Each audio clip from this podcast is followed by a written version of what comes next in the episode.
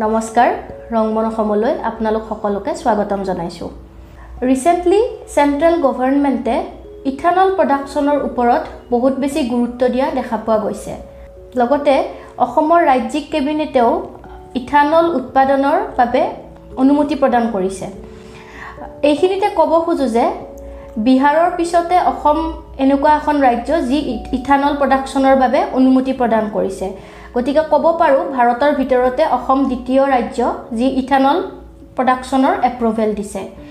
এতিয়া ভাৰতৰ দৰে দেশ এখনত ইথানলৰ ব্যৱহাৰ কি বা কেনেকুৱা মাল্টিপুল ইউজ ইথানলৰ হ'ব পাৰে আমি সেই বিষয়ে আজি ভিডিঅ'টোত কিছু কথা আলোচনা কৰিম। ইথানল কি? ইথানলৰ বিষয়ে আপুনি কি ক'ব? সাম্প্ৰতিক সময়ত আমি সকলোৱে এটা জ্বলন্ত সমস্যাৰ সন্মুখীন হ'ব লগাত পৰিছোঁ। সেইটো হ'ল পেট্ৰল ডিজেলৰ মূল্য বৃদ্ধি আপোনালোকে চাওক বৰ্তমান পেট্ৰল ডিজেলৰ মূল্যই প্ৰায় এশ টকাত ওচৰ চাপু চাপু হৈছে। গতিকে চাওক এক লিটাৰ পেট্ৰল বা ডিজেল যদি এশ টকা দাম দি আমি যদি কিনিব লগা হয় তেতিয়াহ'লে ইয়াৰ প্ৰভাৱ আমাৰ ভাৰতীয় মধ্যবিত্ত লোকসকলৰ ওপৰত কেনেধৰণে পৰিব? বা দুখীয়া লোকসকলৰ কথাটো নকয় গতিকে এইটো এক প্ৰধান সমস্যা হিচাপে আমাৰ সমগ্ৰ ভাৰতবাসীৰ আগত থিয় দিছে।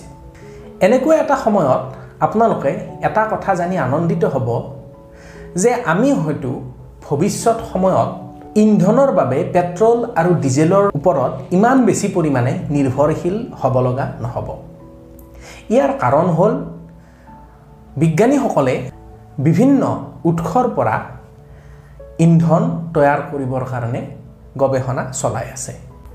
আৰু ইয়াৰ এক উল্লেখযোগ্য উদাহৰণ হৈছে ইথানল। হয় এই ইথানল হ'ল এটা কেমিকেল যিটোক আমি পেট্ৰলৰ লগত মিক্স কৰি গাড়ী মটৰ ইত্যাদিত ভৰাই আমি গাড়ী মটৰ চলাব পাৰোঁ। আৰু সেইকাৰণে ভাৰতৰ কেন্দ্ৰীয় চৰকাৰ আৰু ভাৰতৰ ৰাজ্যসমূহত থকা ৰাজ্য চৰকাৰসমূহে এই ইথানলৰ উৎপাদনত যথেষ্ট পৰিমাণে গুৰুত্ব আৰোপ কৰিছে। আৰু শেহতীয়াভাৱে আমাৰ অসমৰ কেবিনেটেও এই ইথানল উৎপাদনত যিবিলাক জড়িত উদ্যোগ আছে এই উদ্যোগসমূহক বিভিন্ন ধৰণে উৎসাহ প্ৰদান কৰা দেখা গৈছে। এতিয়া আমি চাওঁ আহক ইথানলনো প্ৰকৃততে কি হয়? আপোনালোকে নামটোৰ পৰাই বুজিছে যে ইথানল হ'ল এক প্ৰকাৰৰ এলকহল। এই ইথানলটো চুগাৰৰ পৰা বনোৱা হয়। ইষ্ট নামৰ এটা অনুজীৱৰ দ্বাৰা এই চুগাৰক এলকহললৈ ৰূপান্তৰিত কৰা হয় আৰু এই প্ৰক্ৰিয়াটোক ফাৰ্মেণ্টেশ্যন বুলি কোৱা হয়। এতিয়া এলকহল বনাবৰ কাৰণে কি কি বস্তু লাগে? গতিকে আপোনালোকে ডেফিনেশ্যনটোতে গম পালে যে চুগাৰ লাগিব। চুগাৰ ক'ৰ পৰা পাম? চুগাৰ পাম আমি চুগাৰ কেন অৰ্থাৎ কুঁহিয়াৰৰ পৰা পাম। ইয়াৰ উপৰিও বিভিন্ন চুগাৰ থকা খাদ্য যেনে মাকৈয়ে হওক নতুবা ধানেই হওক এইবিলাকতো যথেষ্ট পৰিমাণে চুগাৰ থাকে। গতিকে এই ধান মাকৈ কুঁহিয়াৰ এইবিলাকত থকা চুগাৰৰ পৰা আমি ইথানল বনাব পাৰোঁ। কিন্তু অকল এইবিলাকেই নহয় আমি পেলনীয়া খাদ্য সামগ্ৰী য'ত চুগাৰ থাকে সেইবিলাকৰ পৰাও আমি ইথানল বনাব পাৰোঁ। লগতে বাঁহ কাঠ এইবিলাকৰ পৰাও ইথানল বনাব পাৰি। লগতে আমি যেতিয়া ধানটো কাটি লৈ আহোঁ যিবিলাক নৰা থাকে এই নৰাবিলাকৰ পৰাও ইথানল বনাব পাৰি। এনেকৈ বহুত ধৰণৰ চুগাৰ থকা ছাবষ্টেঞ্চৰ পৰা আমি ইথানল বনাব পাৰোঁ।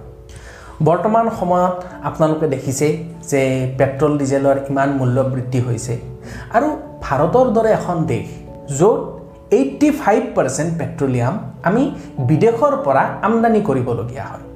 গতিকে আপোনালোকে ভাবক ভাৰতৰ দৰে দেশ এখনত যদি আমি ইথানল উৎপাদনত স্বাৱলম্বী হ'ব পাৰোঁ তেতিয়াহ'লে কি হ'ব? আমি পেট্ৰল জাতীয় সামগ্ৰীসমূহ বাহিৰৰ দেশৰ পৰা কিনিব নালাগে। তেতিয়া আমাৰ অৰ্থনৈতিকভাৱে কিমান উন্নতি হ'ব আপোনালোকে নিশ্চয় অনুমান কৰিব পাৰিছে। আৰু ইথানল হৈছে এনেকুৱা এটা ইন্ধন যাক ৰিনিউৱেবল চ'ৰ্চ ৰূপেও আমি গণ্য কৰিব পাৰোঁ। কাৰণ কিয়?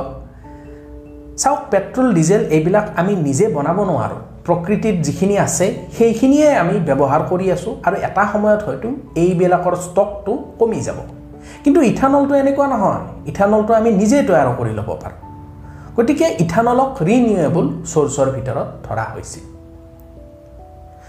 গতিকে এই ইথানল প্ৰডাকশ্যনত যদি আমি স্বাৱলম্বী হওঁ তেতিয়াহ'লে এইটোৱে আমাৰ ভাৰতৰ যিটো এনাৰ্জি ছেক্টৰ আছে সেই এনাৰ্জি ছেক্টৰক ভাৰতক যথেষ্ট পৰিমাণে মজবুত কৰি তুলিব।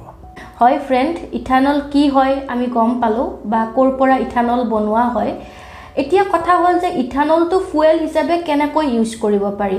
আমি সেই বিষয়ে এতিয়া কিছু কথা আলোচনা কৰিম। হয়। এই ক্ষেত্ৰত ক'ব খোজোঁ যে ইথানলটো আমি বৰ্তমান সময়ত ডাইৰেক্টলি ইঞ্জিনত দি কিনে গাড়ী এখন চলাব হয়তো নোৱাৰিম। ইথানলটো কি কৰিব লাগিব? পেট্ৰলৰ লগত মিক্স কৰিব লাগিব। মিক্স কৰি এইটো ব্লেণ্ড কৰা বুলি কয়। তো ইথানলটো পেট্ৰলৰ লগত আমি ব্লেণ্ড কৰি কিনে ইন্ধন হিচাপে ব্যৱহাৰ কৰিব পাৰিম বৰ্তমান সময়ত ভাৰতত প্ৰায় ছিক্স ছেভেন পাৰ্চেণ্টমান ইথানল ব্লেণ্ডেড পেট্ৰল পোৱা যায়। গতিকে আপোনালোকে তেল ডিপত গৈ যিটো পেট্ৰল ভৰায় তাত প্ৰায় six to seven percent ethanol থাকে। কিন্তু গোটেই ভাৰতবৰ্ষতে প্ৰায় ফিফটি পাৰ্চেণ্টমান পেট্ৰলহে এনেকুৱাকৈ ইথানল ব্লেণ্ড কৰি কিনে বিক্ৰী কৰা হয়। হাণ্ড্ৰেড পাৰ্চেণ্ট এতিয়ালৈকে হোৱা নাই। কিন্তু ভাৰতৰ উপৰিও আন কিছুমান দেশ যেনে ব্ৰাজিল আমেৰিকা বা ইউৰোপীয়ান কাণ্ট্ৰি কিছুমানে টুৱেণ্টি পাৰ্চেণ্টতকৈ বেছি ইথানল ব্লেণ্ডেড পেট্ৰল ইউজ কৰে। এই ক্ষেত্ৰত নাম ল'ব লাগিব ব্ৰাজিল। ব্ৰাজিলে এই ক্ষেত্ৰত যথেষ্টখিনি ডেভেলপ কৰিবলৈ সক্ষম হৈছে। ব্ৰাজিলে এটা সময়ত কি হৈছিল পেট্ৰলিয়ামৰ বহুত নাটনি হৈছিল আৰু তেতিয়া ব্ৰাজিলে মানে নিজাকে ইথানল প্ৰডাকশ্যন কৰাৰ নানান ষ্টেপ হাতত লৈছিল আৰু ইয়াৰ ফলত তেখেতসকলৰ টেকন'লজিটো ডেভেলপ হৈ গৈছে আৰু এটা ইক'ছিষ্টেম বনি গৈছে আৰু গোটেই পৃথিৱীৰ ভিতৰত আটাইতকৈ বেছি ইথানলক ইন্ধন হিচাপে ব্যৱহাৰ কৰা দেশৰ ক্ষেত্ৰত যদি নাম ল'ব খোজোঁ ব্ৰাজিলেই হৈছে প্ৰথম। আৰু ইয়াৰ উপৰিও আমেৰিকাৰ লগতে অন্যান্য কিছুমান ইউৰোপীয় দেশেও এই ইথানল যথেষ্ট পৰিমাণে পেট্ৰলৰ লগত ব্লেণ্ড কৰি কিনে গাড়ী মটৰ ইত্যাদি চলোৱাত ব্যৱহাৰ কৰি আছে। হয়। ইথানল কেনেকৈ পেট্ৰলিয়ামৰ লগত ব্লেণ্ড কৰি ফুৱেল হিচাপে ইউজ কৰে আমি বুজিলোঁ। এতিয়া কথা হ'ল যে যি ব্লেণ্ডেড ইথানল মানে পেট্ৰলিয়ামৰ লগত মিক্স কৰি যি ব্লেণ্ডেড ইথানল লগতে যি পেট্ৰল এই দুটাৰ মাজত ডিফাৰেঞ্চ কি? আৰু এই যেতিয়া ব্লেণ্ডেড ইথানলটো ইউজ কৰা হ'ব গাড়ী এখনত তাৰ ইঞ্জিনটো কিবা বেলেগ টাইপে ডিজাইন কৰা হ'ব নে কেনেকুৱা তাৰ ইফেক্টটো কি হ'ব গাড়ীখনৰ ওপৰত? হয়। এতিয়া যদি আমি ইন্ধন হিচাপে দুটা কম্পেয়াৰ কৰোঁ যিটো কেলৰিফিক ভেলু যিটো হয় এইটো পিয়'ৰ পেট্ৰল যিটো সেইটোৰ কেলৰিফিক ভেলুটো বেছি আছে। আৰু যেতিয়া আমি তাৰ লগত ইথানলটো ব্লেণ্ড কৰি দিম কেলৰিফিক ভেলুটো অকণমান কম হৈ যায়। মানে সহজ ভাষাত যদি আমি ক'ব খোজোঁ যে ইথানল যেতিয়া আমি পেট্ৰলৰ লগত ব্লেণ্ড কৰিম তেতিয়া সেই পেট্ৰলটোৰ পৰা আমি এনাৰ্জিটো অলপ কমকৈ পাম। পিয়'ৰ পেট্ৰলটোত আমি এনাৰ্জিটো বেছিকৈ পাম। গতিকে এইটো এটা কথা। আৰু ইয়াৰ উপৰিও পেট্ৰলিয়ামৰ লগত ইথানল ব্লেণ্ড কৰাৰ পিছত যথেষ্ট সুবিধাও আছে। ইয়াৰ কাৰণ হ'ল ইথানলৰ লগত অক্সিজেনো মিক্স হৈ থাকে। সেইকাৰণে কি হয় যেতিয়া ইঞ্জিনটোত যেতিয়া সোমাব পেট্ৰলৰ লগতে ইথানলটো তেতিয়া জুই জ্বলিবৰ কাৰণে বা ইগনিশ্যনটো হ'বৰ কাৰণে অক্সিজেন লাগে। গতিকে যাতে এই মানে ফুৱেলটোত অলৰেডি অক্সিজেন আছে এইটো কম্বাছন যিটো হয় এইটো বহুত ভাল ধৰণে হয়। গতিকে এইটো এটা পজিটিভ পইণ্ট। সাধাৰণতে ইথানলটো অলপ কৰচিভ হয়। সেইকাৰণে আমি আশংকা কৰিব পাৰোঁ যে ইথানলটো যেতিয়া ইঞ্জিনৰ ভিতৰত সোমাব তেতিয়া ইঞ্জিনৰ পাৰ্টছবিলাক নষ্ট কৰিব নেকি? কিন্তু আচলতে সেইটো নহয়। ভাৰত চৰকাৰে দুহেজাৰ চৈধ্য পোন্ধৰ বৰ্ষতে এটা ষ্টাডি কৰিছিল যে এই ইথানল টুৱেণ্টি পাৰ্চেণ্ট যেতিয়া আমি ব্লেণ্ড কৰিম ব্লেণ্ড কৰাৰ পিছত যেতিয়া আমি ইঞ্জিনত চলাম তেতিয়াহ'লে কেনেকুৱা ধৰণৰ এফেক্ট এটা হ'ব? তেতিয়া দেখা গৈছিল যে মেটেলিক পাৰ্ট যিটো আছে সেই মেটেল পাৰ্টটোত কোনো প্ৰব্লেম হোৱা নাই। কিন্তু যিবিলাক ইলেষ্টমাৰ আছে সেই ইলেষ্টমাৰবিলাক অকণমান এফেক্ট হৈছিল।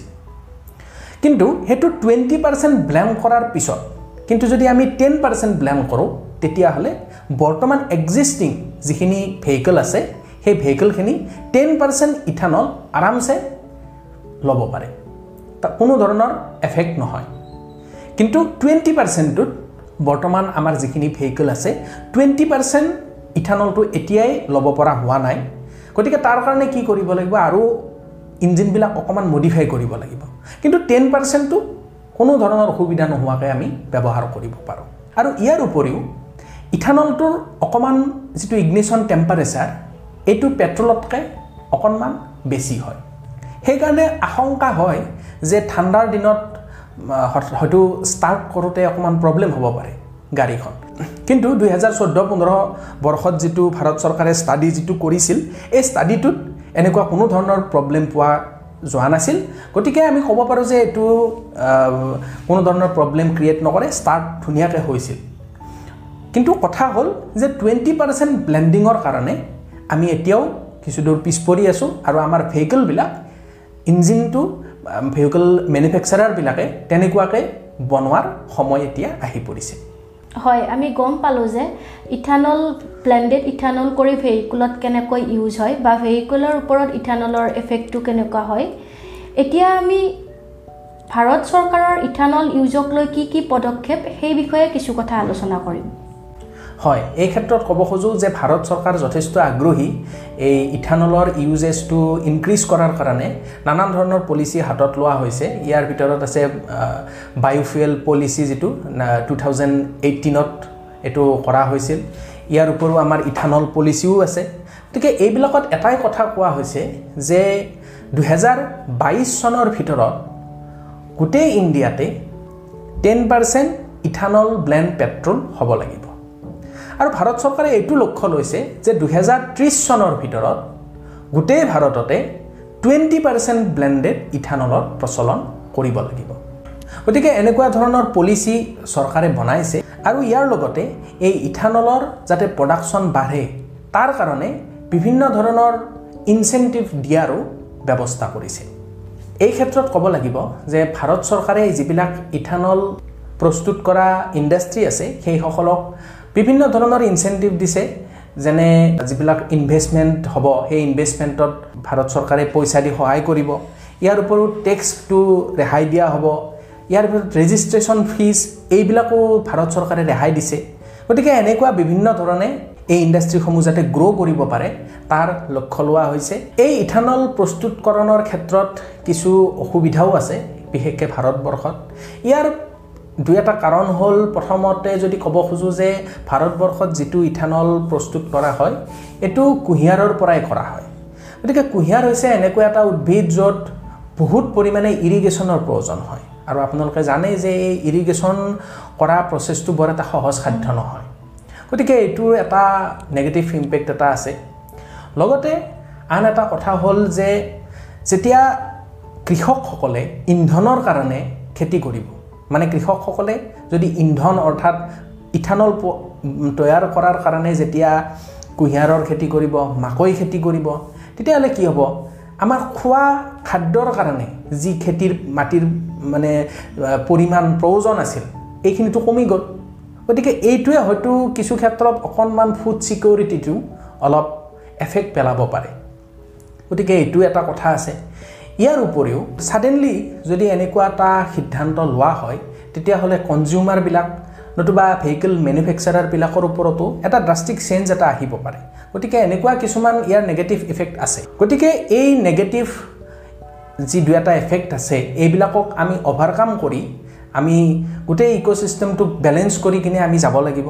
গতিকে যদি চুগাৰ কেনৰ পৰা ইথানল প্ৰস্তুত কৰোঁতে অলপ প্ৰব্লেম হয় তেতিয়াহ'লে আমি অন্যান্য চ'ৰ্চ যিবিলাক পেলনীয়া খাদ্য থাকে নতুবা যিবিলাক ধান কাটি লৈ যোৱাৰ পিছত যিবিলাক নৰা থাকে এইবিলাকৰ পৰা আমি হয়তো ইথানল বনাব লাগিব তেতিয়া এই সমস্যাবিলাক সমাধান হ'ব।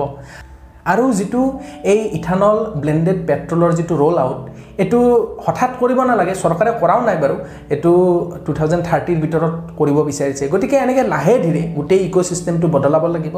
তেতিয়াহ'লে হয়তো আমি এই ইন্ধনৰ ক্ষেত্ৰত আমি আত্মনিৰ্ভৰ হ'ব পাৰিম। যি এক বৃহৎ পৰিমাণৰ ধন ভাৰতে এই পেট্ৰল জাতীয় সামগ্ৰীসমূহ কিনাৰ কাৰণে বিদেশক ইমান ধন দি আছে সেই ধনৰ কিছু পৰিমাণে হ'লেও ৰাহি হ'ব। আৰু ভাৰতৰ অৰ্থনীতিও টনকিয়াল হ'ব। হয়। আমি গম পালোঁ যে এই বৰ্তমান সময়ত ইথানল ব্যৱহাৰ কৰাটো অতিয়ে আৱশ্যকীয়। ইথানল ইউজৰ পৰা আমাৰ বহুতো বেনিফিটছ আছে যেনে এনভাইৰনমেণ্টেল ইম্পেক্ট আমাৰ যি পেট্ৰল আছে সেই পেট্ৰল বা ডিজেলৰ পৰা কিছুমান পয়জনাছ গেছ এমিট হয়। যেনে কাৰ্বন মনক্সাইড নাইট্ৰজেন অক্সাইড এনেকুৱা। কিন্তু এই যি ব্লেণ্ডেড ইথানল আমাৰ ভেহিকুলত ইউজ হ'ব তেতিয়া সেই ব্লেণ্ডেড ইথানলৰ পৰা এনেকুৱা কোনো ডেঞ্জাৰাছ গেছ এমিট হোৱা দেখা পোৱা নাযায় গতিকে ই ইক' ফ্ৰেণ্ডলিও হয়। তাৰোপৰি এই যি ব্লেণ্ডেড ইথানল আমি ইউজ কৰিম সেই ইথানলটো প্ৰডিউচ কৰা হয় আমাৰ এগ্ৰিকালচাৰেল ৱেষ্টেজ বা আমাৰ চুগাৰ কেনৰ যি ৱেষ্টেজ বা মেজ বাৰ্লি এইবোৰৰ পৰা। গতিকে ইয়াতে এইটো এটা ৰিনিউৱেবল চ'ৰ্চ অফ এনাৰ্জি হৈ যায়। এইটো ভৱিষ্যতেও এডিকুৱেট এমাউণ্টত আমি পাই যাম যদি আমি ইথানলটো প্ৰডিউচ কৰিব খোজোঁ। তাৰোপৰি আৰু এটা কথা হ'ল যে ভাৰতে যি ক্ৰুড অইল ইম্পৰ্ট কৰে এইটো বহুত ডাঙৰ বাজেট এটাৰ নেচেচিটি হয়। কিন্তু যদি আমি ইথানল ইউজ কৰি ফুৱেল বনাব পাৰোঁ তেতিয়াহ'লে আমাৰ বাজেট ফ্ৰেণ্ডলিও হ'ব ইণ্ডিয়াৰ কাৰণে। গতিকে ফ্ৰেণ্ডছ এনেকুৱা কিছুমান বেনিফিট আমি ব্লেণ্ডেড ইথানল ইউজ কৰাৰ পৰা দেখিবলৈ পাইছোঁ। আৰু লগতে আশা কৰিছোঁ যে ইণ্ডিয়ান গভৰ্ণমেণ্টে যি টাৰ্গেট লৈছে around two thousand thirty ethanol use কৰা গতিকে সেই প্লেন যাতে এৰাউণ্ড টু থাউজেণ্ড থাৰ্টি আমি দেখিবলৈ পাওঁ তাকেই আশা কৰিছোঁ। আৰু আজিলৈ ভিডিঅ'টো ইমানতে সমাপ্ত কৰিছোঁ। Thank U thank U